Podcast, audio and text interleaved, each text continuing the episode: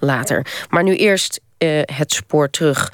Het eerste deel van het tweeluik Diplomaat van de Tsaar. 2013, het is Nederland-Rusland-jaar. Deze zomer zonden we een serie documentaires uit over Nederlanders in Rusland. En nu doen we het omgekeerde. Het verhaal van Russen in Nederland. We gaan een eeuw terug in de tijd naar Den Haag. Naar de Russische ambassade. Naar het verhaal van de laatste diplomaat van de tsaar. Pavel Pustoshkin. Angela Dekker schreef een boek over zijn levensverhaal... en over de geschiedenis van de Russische emigrees in Den Haag. Djoeke Veninga maakte in samenwerking met Angela Dekker... twee afleveringen van het spoor terug. Vandaag de jaren 1913-1918.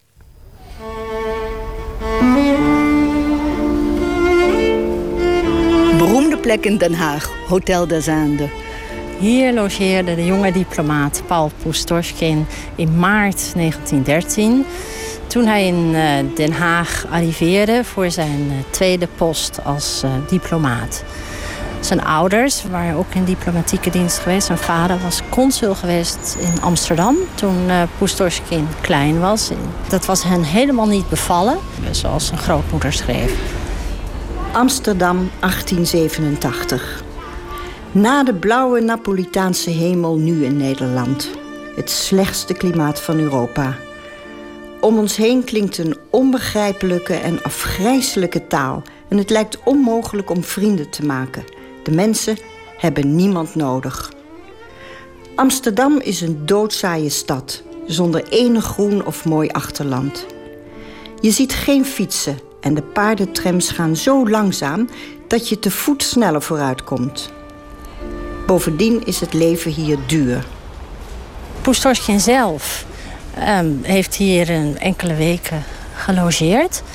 En uh, wandelde dus ochtends over dat lange voorhout naar het Russisch gezantschap aan de Kneuterdijk.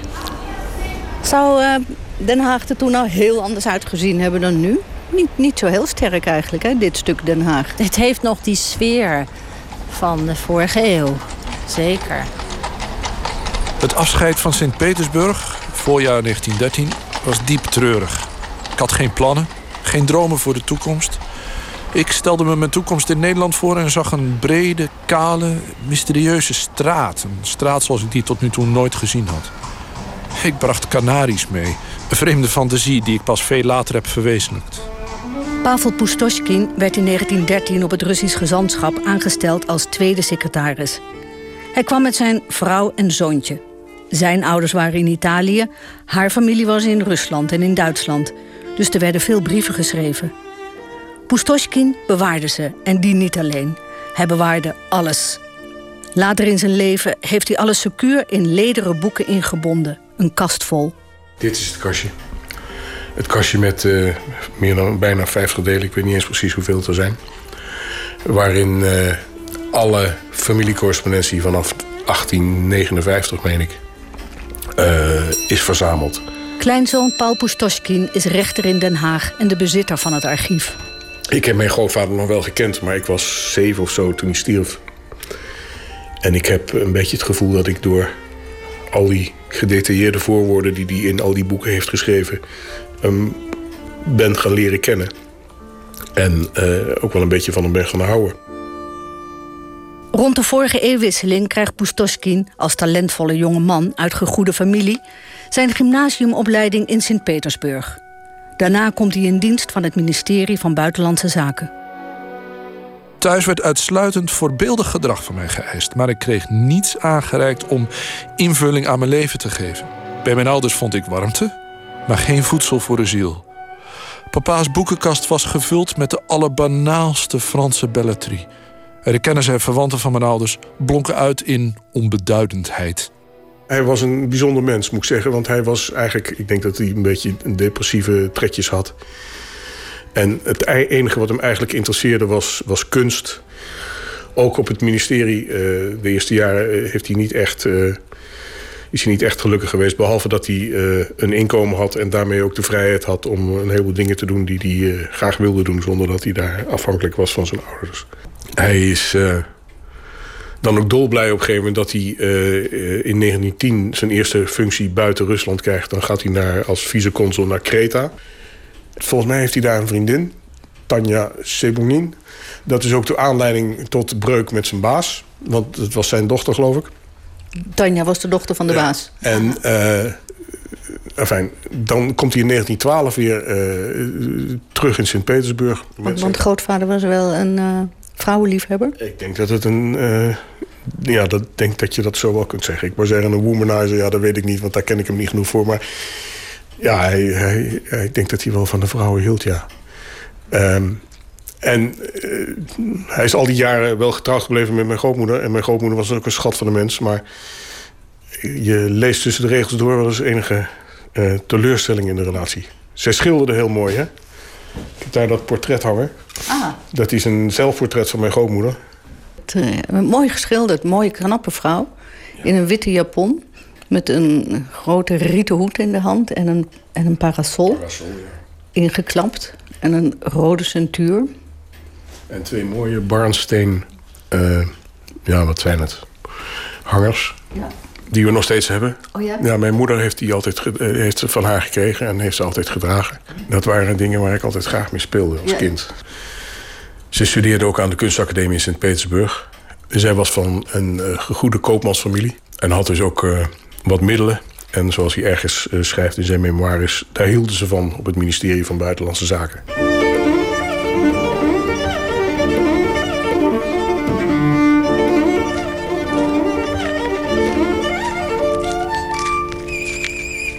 Wij zetten de wandeling voort van het Hotel des Indes naar de toenmalige plek van het Russisch gezantschap aan de Kneuterdijk. Onderweg komen we een charmant wit paleis tegen. Tegenwoordig het onderkomen van de Raad van State. Een eeuw voor Pustoschkin kwam hier een Russin aan die ook moest wennen aan het vreemde land waar ze terecht kwam. Anna Palona, grootvorstin van Rusland, de zuster van de toenmalige tsaar. Zij kwam in 1816 als jonge bruid van prins Willem II, de latere koning.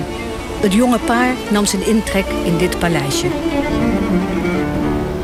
Het was voor haar inderdaad een uh, paleisje, want ze kwam uit uh, Sint-Petersburg, waar je natuurlijk uh, grote palazzo's hebt. En het was hier maar een heel eenvoudig optrekje voor haar. En bij haar huwelijk kreeg ze als bruidschap, een bruidschat van haar broer een uh, compleet uh, Russische kapel. Met ook echt Russische kerkschatten. Van, met, goud en nog een iconostase die nog kwam uit het Russische leger tijdens de strijd tegen Napoleon in 1812. Een soort veld-iconostase. Die kreeg zij hier, die heeft ze hier ook neergezet. En uh, die heeft ook gekoesterd, want na de dood van uh, Willem II heeft ze dat, uh, toen heeft ze het paleis hier gesloten. Ze wilde hier niet meer wonen en is ze verhuisd naar Zorgvliet, waar ze haar kapel mee naartoe heeft genomen. En uiteindelijk na haar dood heeft ze bepaald dat die kapel moest bewaard blijven nabij haar tombe. En die kapel die uh, stond oorspronkelijk op dat buiten van haar, Zorgvliet. Maar Zorgvliet is afgebroken ten gunste van het Vredespaleis. En uiteindelijk is de kapel terechtgekomen op de huidige locatie in de Obrechtstraat in Den Haag. Een stukje verder ligt onze bestemming. Het monumentale 17e-eeuwse huis... dat naar zijn bewoner van toen het Johan de Withuis heet. Toonzalen, geornamenteerde plafonds, een stadstuin erachter. Op een steenworp afstand van het Binnenhof. Een toplocatie voor de ambassade van een wereldrijk.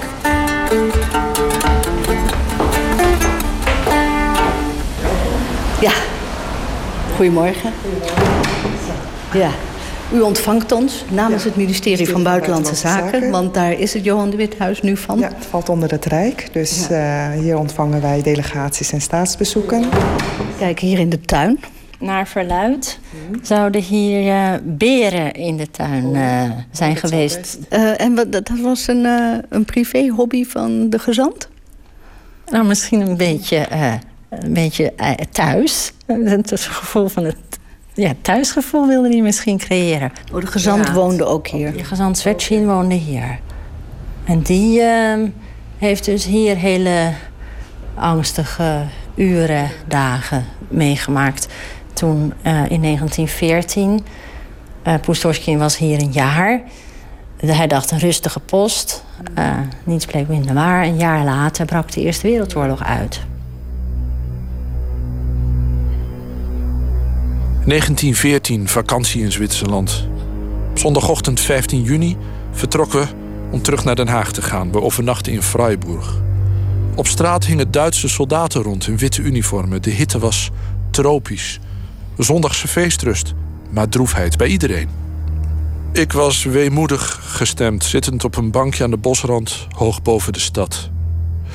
De verbazingwekkende gotische kathedraal met één toren kon mij zelfs niet troosten. De gebakjes in de plaatselijke conditorij smaakten walgelijk zoet. Ik had een onrustige nacht.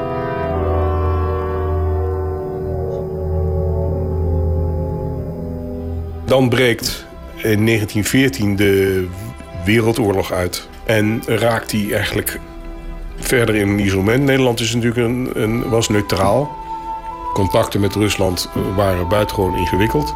Brieven werden allemaal gecensureerd en deden er eh, weken, zo niet maanden over om, om te bereiken. Dus eh, ja, dan ontstaan er wat, wat, wat sombere jaren.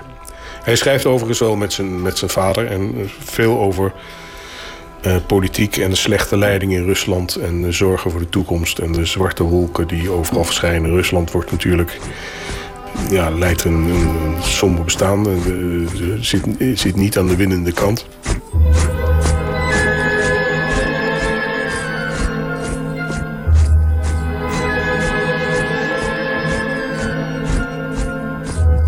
Den Haag, 3 juli 1915.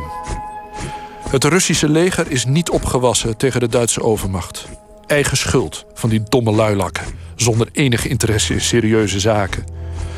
Ze zijn niet eens in staat tot reflectie en evenmin behept met enige daadkracht. Laten we hopen op een echte overwinning. Een overwinning op onze barbaarse smaak en gewoonte. Minder restaurants, meer boeken. Minder holle frazen, meer kennis. Minder vertier, langer werken en de nodige autoriteit. Laat Duitsland een voorbeeld zijn. Daar zijn weliswaar ook kroegen, maar Duitsers zuipen zich niet kapot. Niet dat ik iets op heb met de Duitsers. Een smeerlap met een Russische naam is uiteraard nog altijd beter dan een met een Duitse.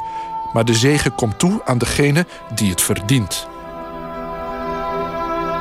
Mijn grootmoeder schrijft dan ook, want die schrijft eigenlijk misschien nog wel meer dan mijn grootvader, maar die schrijft vooral ook over, over de dagelijkse dingen.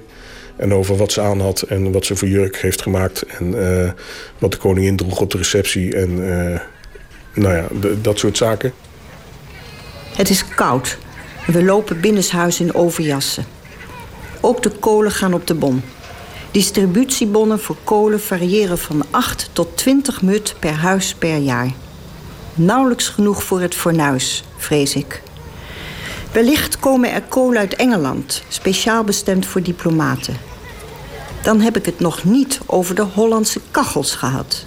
Ieder jaar moeten ze worden gereviseerd en dat kost 10 gulden. Een idioot hoog bedrag. Waarom bouwen de Hollanders geen huizen met eenvoudige kacheltjes... waar je niet zo'n werk aan hebt? En wat heeft het stoken voor zin met al die spleten in de muren... waar de wind gewoon doorheen blaast? Het weer bij ons is ongelooflijk weerzinwekkend en treurig. Het giet onophoudelijk, van de vroege ochtend tot de late avond. En net als u destijds heb ik geen contact met Nederlanders. En Den Haag is onvoorstelbaar saai. Alles gaat goed, maar verveling is erger dan een oorlog. Ik fiets soms naar Amsterdam. Een grote, levendige en interessante stad. De tocht door het vlakke land doet me goed. Tot er een briesje op komt zetten dat is erger dan welke berg dan ook.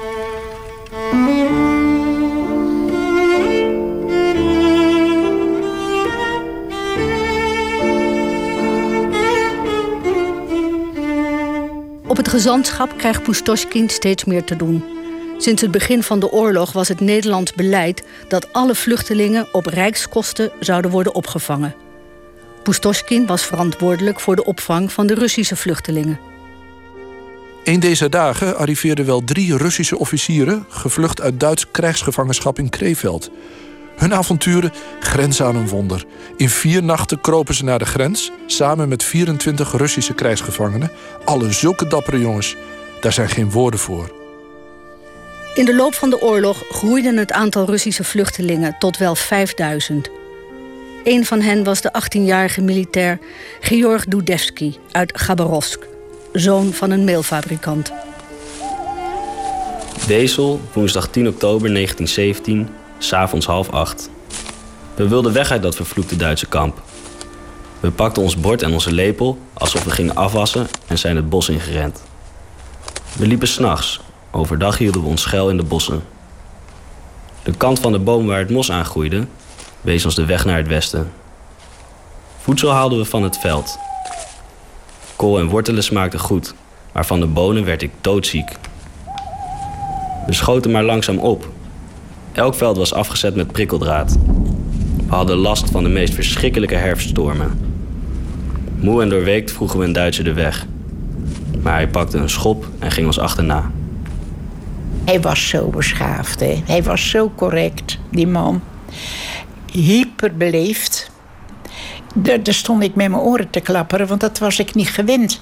Jannie Dudevsky is de schoondochter van George Dudevsky. Hij was natuurlijk militair.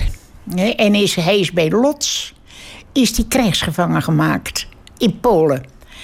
En uh, toen deden de Duitsers, die deden de de Russen zo ver mogelijk van Rusland af in een concentratiekamp. Dus papa die is in, tegen Nederland in een, in een kamp terechtgekomen. Maar dat heeft hij maar een hele korte tijd uitgehouden. Toen is hij s'nachts gevlucht uit het kamp. Met iemand nog. En toen hebben ze s'nachts over de velden gelopen en uh, rode kolen en kolen van het land afgehaald om te eten. Ze hadden natuurlijk niks. En toen kwam hij terecht in Heerlen, als ik het goed heb. En toen is hij de andere dag is hij naar de mijnen gegaan. Toen heeft hij een dag in de mijnen gewerkt. Maar dat was natuurlijk helemaal niks voor hem. Dus die heeft die dag loon opgehaald. En met dat loon is hij naar Den Haag gereisd. Toen is hij bij de Russische ambassade terechtgekomen als boekhouder. Om de Russische vluchtelingen uit te betalen. Ik, daar heb ik nog foto's van. En uh, daar was mijn schoonmoeder koffiejuffrouw. En die vond het wel leuk. En uh, nou, die zijn al heel vlug getrouwd. Ik geloof drie of vier weken nadat ze kennis maakten. Want mijn opa, Jos en opa dan... Uh, die vroeg hij aan de hand van Martina, van mijn schoonmoeder. En toen zegt hij, oh, je mag ze hebben hoor. Ik heb er nog acht van zulke meiden. Want de acht dochters.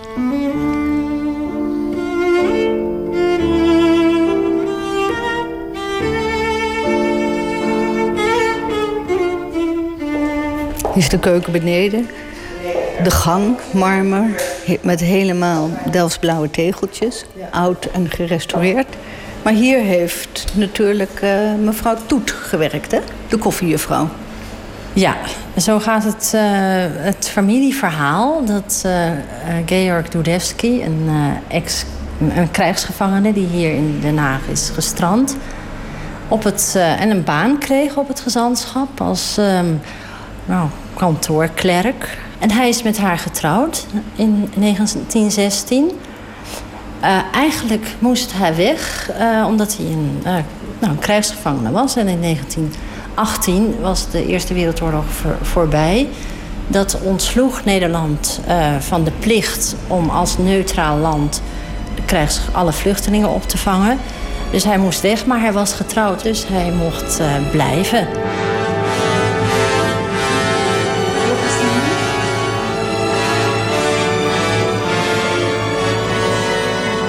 De klerk Dudevsky werkt op een gezantschap waar grote verwarring heerst. Welke kant gaat het op in het moederland? Eerder dat jaar, in maart, kwam een geheim telegram, nummer 1104 uit Rusland aan. Verzoek om alle portretten van de voormalige tsaren en leden van de keizerlijke familie uit de ruimtes van de grensposten weg te halen. In maart 1917 kregen ze opdracht om de portretten van de keizerlijke familie van de wand te halen, want de tsaar trad terug. En een overgangsregering nam het over. Dus zij dachten, hoe gaat dit, uh, hoe gaat dit verder? En die uh, gezant die, die raakte enorm in paniek. Die kreeg een zenuwinzinking. Dusdanig dat hij hier niet kon blijven. Dat hij naar een inrichting is gebracht naar in Nijmegen. Onze wereld stortte in. We raakten al onze zekerheden kwijt. Sinds het terugtreden van de tsaar op 15 maart 1917 hielden we ons nog meer schuil voor alles en iedereen. Onze gezant Schwetzin was zijn hoofd volledig kwijtgeraakt. Het was vreemd deze gezaghebbende, intelligente man waanzinnige paniekaanvallen te zien krijgen, vooral in zaken materiële zorgen. Hij leek krankzinnig te worden uit angst om dood te gaan van de honger. De handelsattaché bracht de overspannen gezant naar een inrichting in Nijmegen, waar hij pas na de Bolsjewistische revolutie, eh, de staatsgreep van oktober, uitkwam.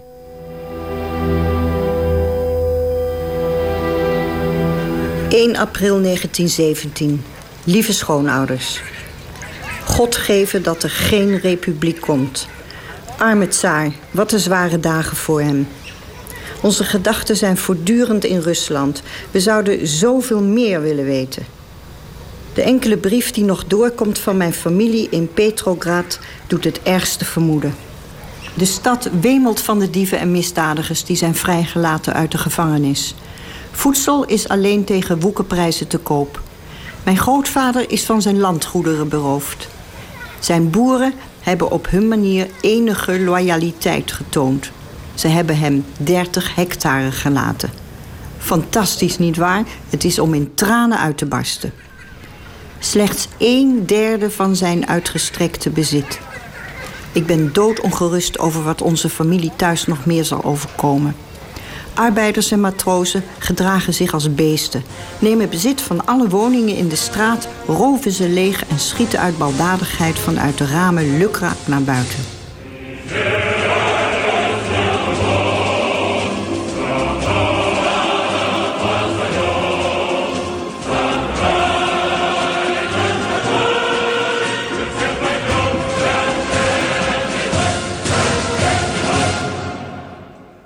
In Den Haag heeft de eerste secretaris, Henri de Bach, de leiding overgenomen van de ingestorte gezant. Pustoschkin kende de Bach nog van vroeger en vindt hem. Een flinke en gezonde bon vivant. Politiek ruimdenkend en onderlegd. Na de Bolsjewistische revolutie in oktober roepen ze samen de stem van het vaderland in het leven. Een vier pagina's stellende Russisch-talige krant met nieuws over de oorlog, bestemd voor de vluchtelingen hier. En met de bedoeling die op het juiste spoor te houden. Want ze waren doodsbang dat uh, onder die krijgsgevangenen ook de revolutie zou uitbreken. Dat was natuurlijk absoluut niet uh, de bedoeling vanuit het gezantschap uh, gezien. Dat was een hele lastige situatie, want je had in Nederland natuurlijk de communistische partij, die niets liever wilde dat de wereldrevolutie hier zou uitbreken. En nou ja, de leider was uh, David Wijnkoop. En die kreeg geld, uh, juwelen uit uh, Rusland. Want de Bolsjewieken hadden zich meester gemaakt van de hermitage. En hebben juwelen geëxporteerd naar het Westen. Waardoor ze die wereldrevolutie die moest komen, zouden kunnen financieren. Dus David Wijnkoop gaf iedere Rus die bij hem kwam 50 gulden om de tocht terug naar huis te ondernemen om te gaan vechten aan de zijde van de Rode. En ondertussen moest hij hier um, het, het, de arbeiders mobiliseren. Uh, ook dat is niet gelukt. De trouwelozen gedragen zich beschamend. En lijken bij de minste tegenslag massaal aapachtig te verlinksen en de rode microben te volgen. Die ellendelingen zouden nu eindelijk eens echte hervormingen moeten doorvoeren. Hij heeft in ieder geval schrijft hij ergens in een van die voorwoorden dat hij bijvoorbeeld in de Eerste Wereldoorlog een, een dagboek heeft bijgehouden. Wat hij in 1920 of 1921 heeft verbrand. En waarom doe je dat nou? Ja, dan ben je dus bang. Hè? Of er staan dingen in waarvan je liever niet wil dat mensen dat lezen. Dat zou ook nog kunnen. Maar ik denk dat het een. Uh, dat het een, een angst was van ja, die, die communistische golf... of die bolsjewistische golf was het toen nog... die komt ook uh, ongetwijfeld deze kant op. In Den Haag stapelen de zorgen zich op. De Bolsjewieken hebben de banken en de staatskas in handen... waardoor er geen geld meer komt. De bank aarzelt over een toegezegde lening... wegens de huidige confiscaties in Rusland. De Russische missie in Engeland stuurt ons geld voor twee tot drie maanden. De directe toekomst is nog niet in gevaar. Klagen wil ik niet. Met 11 ton kolen hebben we het warm kunnen houden deze winter. Vooral de geruchten over een afzonderlijke vrede met Duitsland jagen me schrik aan. Wanneer uh, is het Russisch gezantschap uit dit Johan de Witte huis vertrokken? Ja, dus het uh, geld bleef uit vanaf uh, oktober 1917. En toen heeft Pustoshkin besloten om nou, uit bezuinigingsoverwegingen het hele gezantschap naar zijn eigen huis te verplaatsen aan de Koningskade. En dat is uh, nou hier uh, een kwartiertje lopen vandaan. En daar heeft hij toen het gezantschap uh, voortgezet in, in eigen beheer. Want ja, iedereen waaide uit. Want ja, er, er, was gewoon heel weinig geld. En dat voortzetten, dat betekende toch die voortzetting van die opvang van alle krijgsgevangenen. En ja, wie hier zat als, als Russische gemeenschap. Nou waren dat niet heel veel mensen. Maar hij was toch het aanspreekpunt om uh, ja, alles te organiseren. En dat heeft hij vanuit huis gedaan.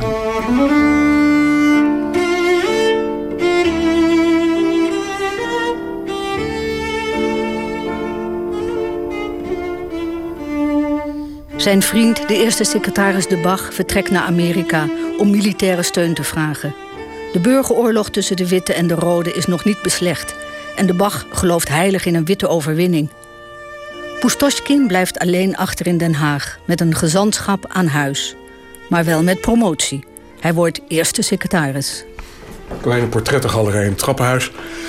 Waarbij deze foto van mijn grootvader centraal staat. Dat is een foto in uniform, in zijn diplomaatuniform. Behangen met een aantal onderscheidingen. Zijn steek en zijn, uh, zijn degen. En zo maakt Pustoshkin het einde van de oorlog mee. In een indrukwekkend ambtskostuum. Maar wie vertegenwoordigt hij? Zijn angst was immers bewaarheid geworden en Rusland had in maart 1918 een eenzijdige vrede met Duitsland getekend en was uit het geallieerde kamp gestapt. Is dit? Kijk, dit is het diner des alliés, diner van de geallieerden op 31 december 1918. Ter ere van het einde van de Eerste Wereldoorlog. Een uh, uitvoerig uh, menu. Begint met uh, oesters, een marmite Henri IV, suprême de Sol Kléber, baron de bœuf Belle Entente, céleri Côte d'Azur, perdreau rôti, chips, compote de calville, bombe à la phoque, friandises, fruits choisis et café. En dit speelt zich af in de zende. En hier zie je de hele groep van aanwezigen. En daar in zijn rokkostuum zit mijn grootvader. Weliswaar als uh, geallieerde, maar ja, toch een beetje een bijzondere positie op dat moment. En mijn grootmoeder die staat daar. Hij mocht erbij aanzitten als uh, geallieerde, maar ja, uh, er was eigenlijk niet zoveel meer waar hij, wat hij vertegenwoordigde. Een hele trieste foto vind ik dit. Altijd. En, uh, het, het, het symboliseert zo de, de, de, ja, het, het, het, het trieste van zijn, van, van zijn positie. Een land vertegenwoordigen wat, wat of althans iets van een land vertegenwoordigen wat er niet meer is. En waarvan op dat moment ongetwijfeld nog de hoop bestaat dat het allemaal wel weer goed komt. Maar ja, dat heeft nooit meer zo mogen zijn. De oorlog en de revolutie hebben de gehele klasse weggevaagd die voorheen in de eerste gelederen stond. Rusland heeft zijn fine fleur verloren. De kringen die de trots en glorie van een land kunnen doen herleven. Het sprookje is uit.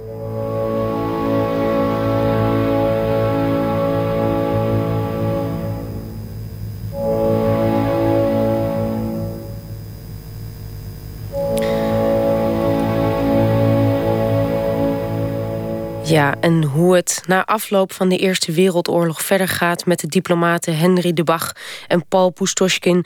met de gevluchte gevangene Dudevsky... en met de wens van Anna Palona haar kapel in ere te, te houden... dat hoort u volgende week in deel 2. De samenstelling was van Djoeke Veninga in samenwerking met Angela Dekker. En Angela Dekker schreef het boek Diplomaat van het Tsaar... de ballingen van de Russische revolutie, dat net is verschenen.